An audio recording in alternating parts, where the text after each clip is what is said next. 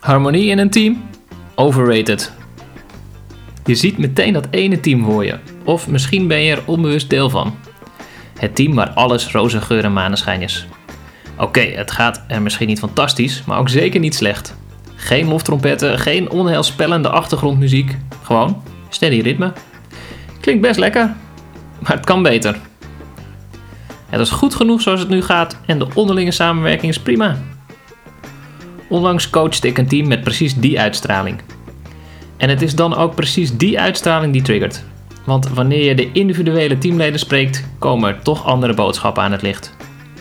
De een zoekt beweging, de ander wil verandering en nummer 3 zit vol nieuwe ideeën. Toch wordt het niet besproken. Alles om de lieve vrede te bewaren. De harmonieuze harmonie. Scrum Masters en Agile Coaches to be. Herkennen jullie de teams die aan de oppervlakte presteren en waarbij je aan je water voelt dat ze meer kunnen bereiken? Teamleden die het potentieel niet herkennen en er ook geen energie in willen steken? Managers die zeggen dat het team sterk is en je de teamleden het beste met rust kunt laten? Waarschijnlijk heb je zojuist drie keer ja geknikt. Misschien niet eens zo gek. En misschien hebben die teams en managers wel gelijk. Wat is er mis met in harmonie wat werk verzetten? Meer dan je denkt. Harmonie zorgt voor twee gigantische drempels. Allereerst conformiteit als slaapverwekker. Je wilt alle ruimte voor ideeën. Excentriek, kleurrijk, buitenaards, baanbrekend. Ze ontstaan alleen als het toegestaan is om andere en nieuwe perspectieven te hanteren. Professor Heckman, specialist op het gebied van onderzoek naar teams, adviseert om een deviant in het team te hebben. Een excentriekeling, non-conformist, iemand die tegen de norm ingaat en de deur bijna uit zijn sponneken trekt om originele ideeën te verwelkomen. Daarom wil je teamleden die het vaker met elkaar oneens zijn en dat ook durven uiten. Als een team in staat is om op een respectvolle manier meningsverschillen te bespreken, voelen teamleden zich meer verbonden, effectiever en intellectueel gestimuleerd. Productieve en constructieve conflicten leiden tot meer ideeën en perspectieven. Zonder wrijving geen glans en zonder vonken geen vuur.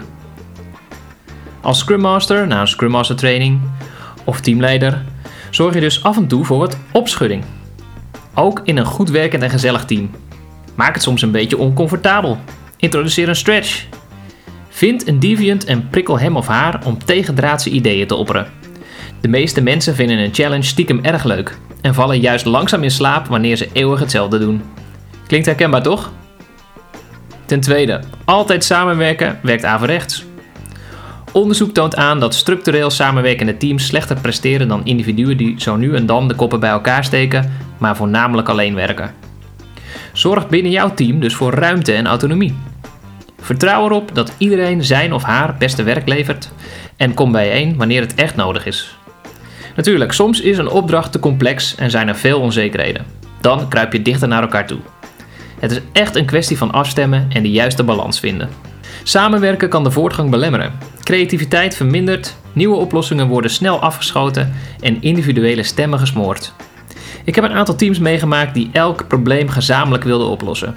Discussies, weinig actie en puntje bij paaltje geen oplossing. Ze waren beter afgeweest met een minder gezamenlijke instelling en minder streven naar consensus en conformiteit. Dus wegconformiteit. Koester individuen. Moeten we nu allemaal als eerste viool aan het werk? Zeker niet. Teams zijn waardevol. Maar ik geloof dat we soms doorslaan in de nadruk op die teamspirit en het gezamenlijke. Teams presteren beter wanneer de individuen in het team zichzelf en daarmee anders mogen zijn. Als ze leren op een productieve manier conflicten te hebben. Als er soms een valse noot wordt geblazen. Kortom, zorg ook eens voor wat oneenigheid in de harmonie. Hoe creëer je een omgeving waarin teams op een gezonde manier conflicten kunnen hebben? Hoe zorg je voor een basis van psychologische veiligheid? Teams helpen bij het doorbreken van conformiteit, zodat tegendraadse ideeën boven water komen? Kom naar onze Agile Coach opleiding en leer samen met andere Agile Coaches in opleiding hoe je jouw team effectief naar een hoger plan tilt.